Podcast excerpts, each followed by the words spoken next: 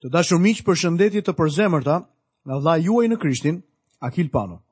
Ju uroj mirëseardhjen në emisionin e sotëm dhe ju kujtoj që jemi duke studiuar në Fjalën e Perëndisë tek Ungjilli sipas Gjonit. Sot do studiojmë kapitullin e 8 në Ungjillin e Gjonit. Tema që do të shohim në këtë kapitull është.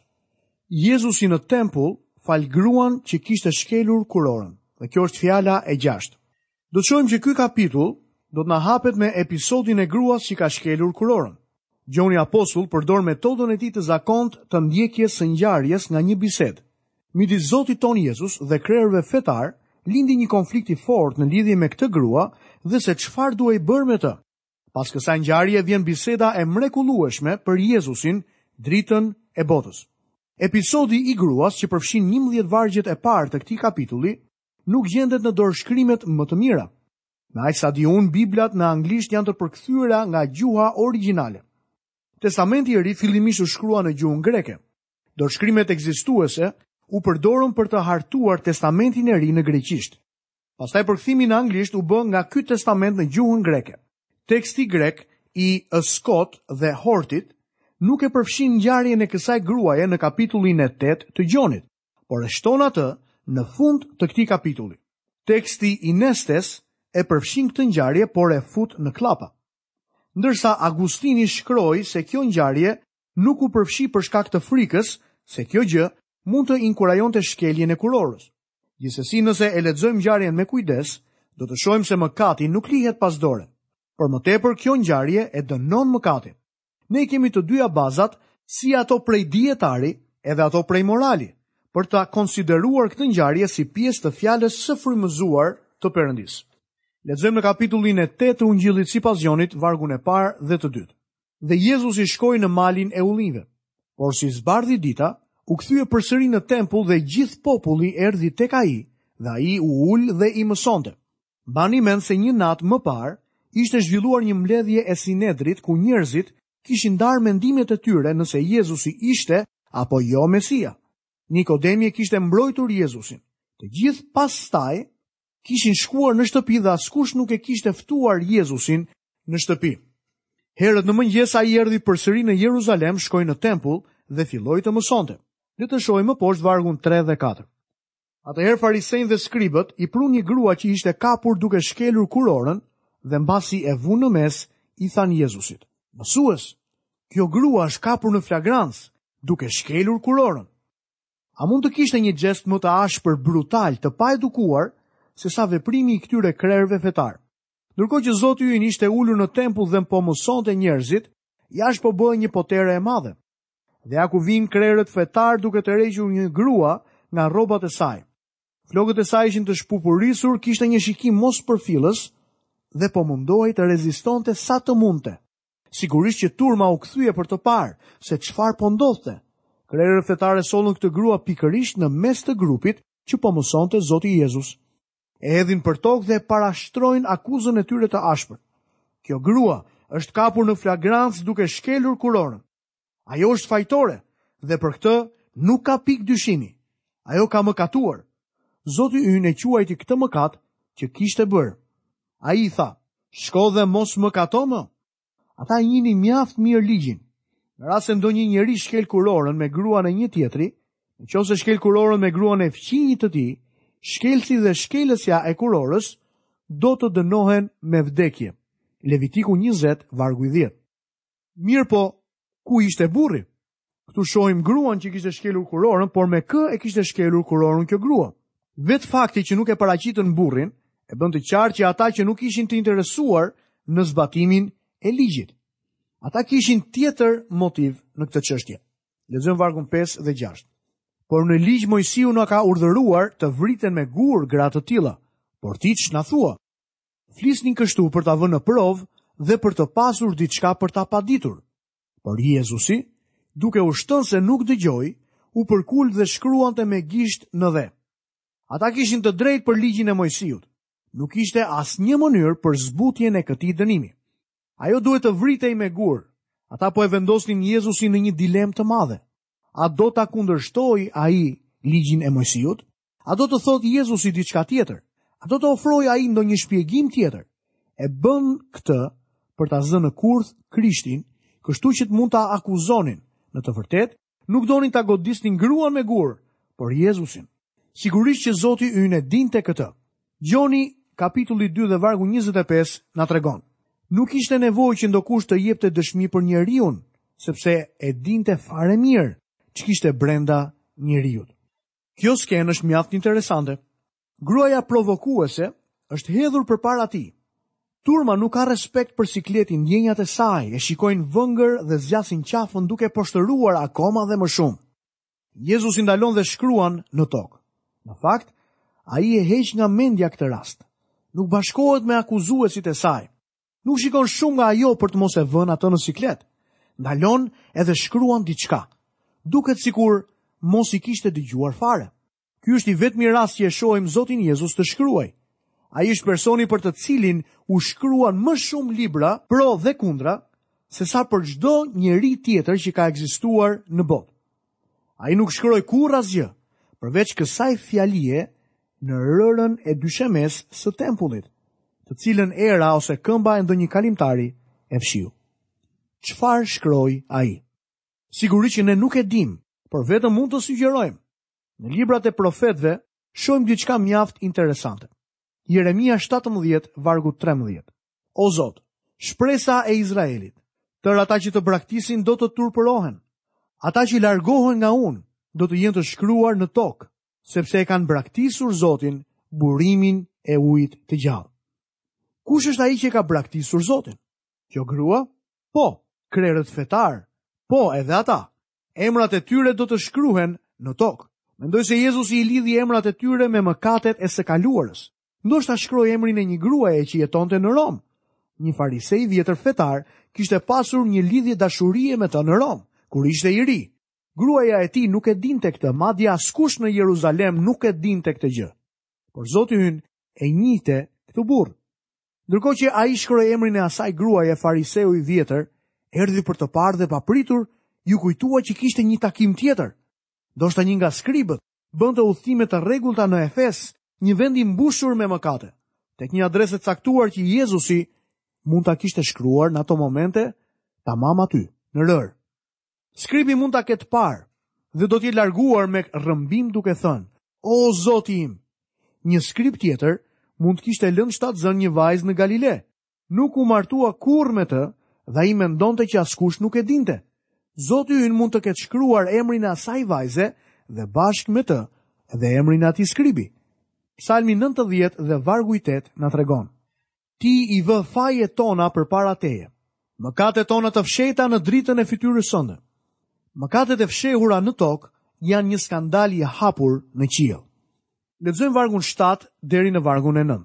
Dhe kur ata vazhdonin ta pyesin, ai u drejtua dhe u tha atyre: Kush nga ju është pa mëkat, le ta hedhë i pari gurin kundër saj. Pastaj u përkul përsëri dhe shkruante në dhe. Atëherë ata e dëgjuan dhe të bindur nga ndërgjegjja, u larguan një nga një, duke filluar nga më të vjetrit e deri tek të fundit. Kështu Jezusi mbeti vetëm me atë grua që qëndronte atje në mes. Jezusi jep kërkesat për të qenë një gjykatës, gjë që duhet ta dëgjojmë të gjithë. Ne kemi të drejtë të jemi gjykatësit e të tjerëve, vetëm nëse i plotësojmë kushtet tona. Kushti është të qenit i pamëkat. Miqtë e mi, nuk e di se çfarë mund të them për ju, por kjo gjë më nxjerr jashtë biznesit të goditjes me gur. Një komentator i vjetër skocez tha se të vjetrit u larguan të parët, sepse ata ishin më të kapshëm se të rinjtë. Të rinjtë u sorrollatën vërdall derisa panë emrat e tyre, u shtangën menjëherë dhe pastaj u larguan. Kështu pra nga e gjithë turma nuk ngeli asnjë person që mund të hidhte gur përveç njërit. Vetëm Jezusi mund të qëllonte me gur drejt saj. Ai është i shenjtë, i pamëkat, i drejtë. Të gjithë u larguan vjedhurazi. Çfarë hipokritësh?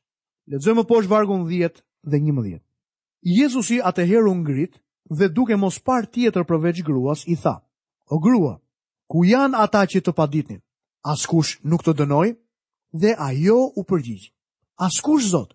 Atëherë Jezusi i tha: As unë nuk të dënoj. Shko dhe mos mëkato më. Kjo grua ishte fajtore për mëkatin dhe sipas ligjit të Moisiut një shkelëse e kurorës duhej të vritej.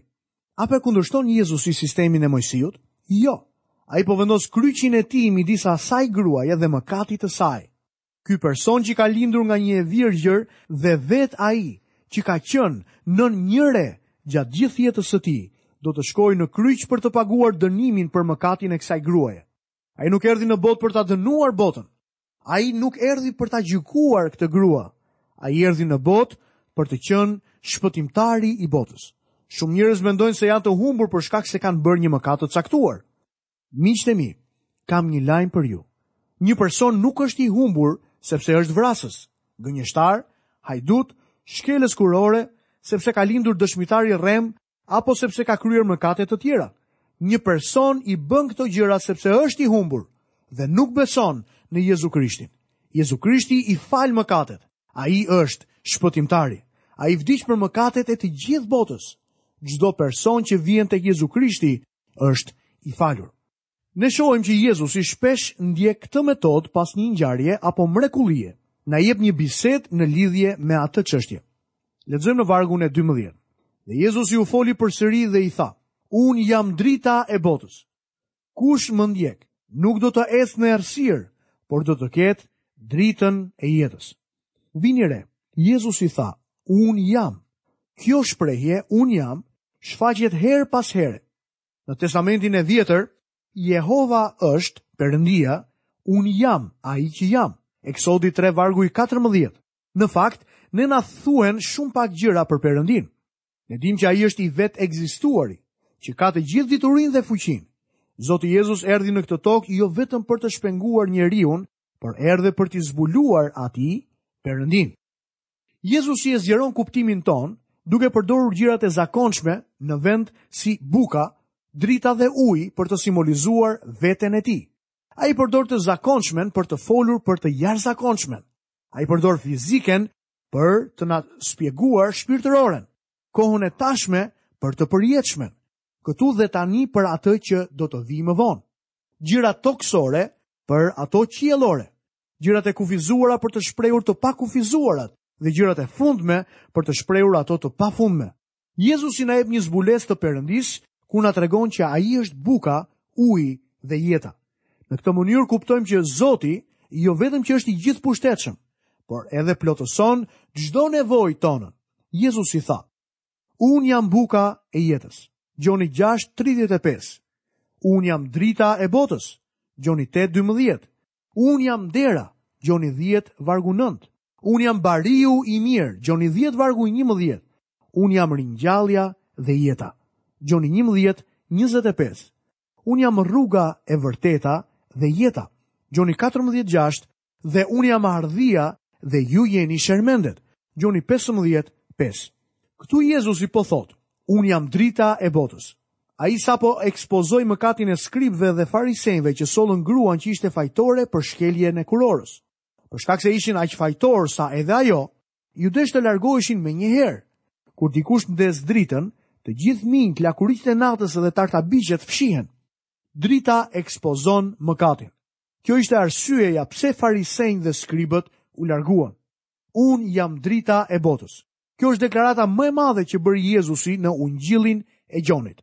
Një nga përcaktimet e Zotit është se ai është dritë. Gjoni letra e parë, kapitulli 1 dhe vargu i 5. Zoti është dritë. Ai është absolut në shenjtërinë dhe drejtësinë e tij. Madje drita fizike është një nga gjërat e ndërlikuara, ashtu siç është një ndër gjërat më thelbësore dhe më të domosdoshme për ne. Kush e di në të vërtetë se çfarë është ajo? ndonjëherë vepron si valë dhe ndonjëherë si grimcë e materies. Fakti befasues është që njerëzit duke vepruar në të dyja këto përcaktime apo principe, kanë qenë të aftë të bëjnë shpikje dhe zbulime të rëndësishme. Disa thonë se të dyja janë të vërteta, ndërsa të tjerë që nuk mund të jenë të dyja të vërteta. A është drita mungesa e errësirës? A është errësira mungesa e dritës? Çfarë duam të themi sa herë që i themi dikujt që një dhomë është e mbushur me dritë? Mos vallë peshon më shumë nëse është e mbushur me dritë? Nuk mund të ketë ngjyra pa dritë. Trëndafili i kuq është i kuq sepse ka thithur çdo pjesë tjetër të dritës përveç të kuqes. Kjo është arsyeja pse shohim të kuqen në trëndafilin e kuq. Ne nuk e kuptojmë dritën dhe sigurisht që asnjë fëmijë nuk mund ta kuptojë.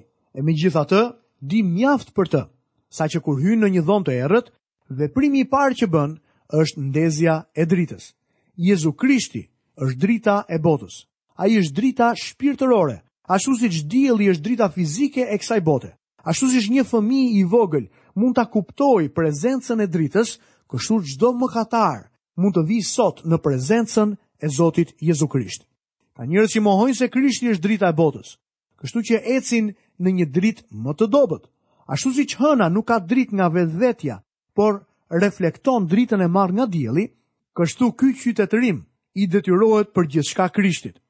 Ne sot kemi spitale, shoqata bamirësie, shpi jetimësh, kujdesje për të varfrit dhe të drejtat e punëtorëve vetëm për shkak se Zoti Jezus erdhi në tokë. Arsyeja pse kemi probleme në këto fusha është se jemi larguar shumë nga drita. Bota po ecën nën dritën e hënës si dikur, Kjo botë e vjetër dhe e shkretë duhet të kthehet tek drita e vërtetë që është Krishti. Kush më ndjek nuk do të ecë në errësirë, por do të ketë dritën e jetës. Disa janë përpjekur ta krahasojnë dritën e Jezusit me dritën e fenerëve të një makine. Miqtë e mi, fenerët e makinës nuk të udhëheqin kudo. Kush e bën drejtimin? Personi që ndodhet në timon. Fatkeqësisht, Kjo është mënyra se si shumë të krishterë përpiqen t'i jetojnë jetët e tyre. Unë nuk e quaj këtë një ilustrim me vend të Krishtit. Gjatë festës së tabernakujve, Izraeli kujtonte çlirimin, kur shtylla e zjarrit i drejtoi bijtë e Izraelit përmes shkretëtirës. Kjo festohej me një paradë me pishtarë. Kur Jezusi tha, unë jam drita e botës, ai po i referohej shtyllës së zjarrit që përkujtonin Izraelitët. Bijtë e Izraelit ndoqën shtyllën e zjarrit në çdo kohë dhe kudo që i udhëhoqi. Po kështu edhe ne duhet ta ndjekim Jezusin duke parë tek ai si tek drita e botës. Lexojmë nga vargjet 13 dhe 14. Atëherë farisenjt i thanë, Ti dëshmon për vetveten, dëshmimi yt nuk është i vërtetë. Jezusi u përgjigj dhe u tha atyre, Edhe pse dëshmoj për vetvete, dëshmimi im është i vërtetë, Sepse unë e di nga kam ardhur dhe ku po shkoj. Ju përkundrazi nuk e dini as nga vij dhe as ku po shkoj. Midis krerëve fetarë dhe Krishtit, tani lind një konflikt i mprehtë, e akuzojnë atë për mburrje kur deklaron që ai është drita. Jezusi u jep një arsye të trefishtë për dëshminë e tij, e cila është e vërtetë. Së pari, ai thotë, Unë e di nga kam ardhur. Ai thotë se e di nga erdhi. Ai e njeh veten e tij. Meqenëse ra fjala, njerëzit në këtë tokë nuk e dinë nga kanë ardhur. Shkencëtarët përpiqen të na tregojnë se çfarë ka ndodhur miliona vite më parë dhe megjithatë, asnjë prej tyre nuk ka qenë këtu për më shumë se njëqind vjet. Ata nuk e dinë nga vijnë, mund të hamendësojnë, por nuk kanë asgjë të sigurt. Por Zoti Jezus ndryshe nga ne të gjithë, e dinte mirë se nga vinte. Lexojmë vargjet 15 dhe 16. Ju gjykoni sipas mishit, unë nuk gjykoj asnjeri. Por edhe kur gjykoj, gjykimi im është i vërtetë, sepse unë nuk jam vetëm, por jam unë dhe Ati që më dërgoi. Deklarata e tij e dytë është se nuk gjykon asnjë njeri sipas mishit. Çdo gjykim që bëjmë unë dhe ti është sipas mishit, Gjykimi ynë është i kufizuar sepse thjesht nuk i kemi të gjitha faktet. Teoria e evolucionit është shembulli i kësaj. Për shkak se gjykimet tona janë të bazuara në fakte shumë fragmentare apo të shkëputura, në të vërtetë janë veçse spekulime. Njeriu zgjedh të pranojë ose spekulimet ose të vërtetën që zbulesa sjell. Nëse një person gjykon sipas mishit, do të ndjekë natyrshëm spekulimin. Zoti Jezus tha se ai nuk gjykon sipas mishit. Ai jep gjykimin që vjen nga qielli. Krishti gjithmonë jep pikëpamjen e Zotit, vlerësimin e tij. Kjo është zbulesë dhe ndryshe nga pikëpamja e njeriut, është arsyeja pse armiqësia e krerëve fetarë sa vjen edhe rritet. Lexojmë vargjet 17 dhe 18. Edhe në ligjin tuaj është shkruar se dëshmimi i dy njerëzve është i vërtetë. Unë jam ai që dëshmoj për vetvete dhe Ati që më ka dërguar dëshmon për mua. Këtu jepet arsyeja e tretë që dëshmia e tij është e vërtetë. Ati dëshmon për të. Ata e dëgjuan zërin e atit nga qielli. Lexojmë vargun e 19. Ky do të jetë vargu i fundit në studimin e sotëm. Atëherë i thanë, ku është ati yt? Jezusi u përgjigj, ju nuk më njihni as mua, as atin tim. Po të më njihnit mua, do të njihnit edhe atin tim. Këta njerëz po mendojnë sërish për lindjen e tij. Vini re se Jezusi e quan Perëndinë, ati im, në një marrëdhënie tjetër nga ajo që kemi ne me të nëpërmjet besimit në Krishtin. Mbani mend, ai i tha Marisë pas ringjalljes së tij. Unë po ngjitem tek ati im dhe ati juaj. Gjoni 20, 17. Ne u bëmë bij të Perëndisë nëpërmjet besimit në Jezu Krishtin, por Jezusi është biri i Perëndisë për shkak të pozitës së tij në Trinitet. Ai është Perëndia Bir, dhe kjo është arsyeja që i drejtohet Perëndisë si atë. Kjo nuk ka të bëjë me lindjen apo ringjalljen, por me pozitën e tij në trinitet. Po të më njihnit mua, do të njihnit edhe atin tim. Këtu bëhet ndarja. Kjo është e vërteta, nuk ka rrugë të mesme. Nëse doni të njihni Atin Perëndi, duhet të vini tek ai përmes Jezu Krishtit. Nuk ka asnjë rrugë tjetër. Të dashur miq, këtu kemi përfunduar dhe emisionin e sotëm. Jam mirënjohës Perëndisë që keni qëndruar së bashku me mua, duke u ndriçuar në zemrat tona prej fjalës së Zotit në studimin tonë tek Ungjilli i Gjonit kapitulli i 8. Studimin tonë mbi këtë kapitull do ta vazhdojmë sërish në emisionin e ardhshëm. Deri atëherë, nga vëllai juaj në Krishtin Akil Pano, paçi të gjitha bekimet e Perëndisë, favorin dhe paqen e tij në jetën tuaj. Bashkë mirudëgjofshim në emisionin e ardhshëm.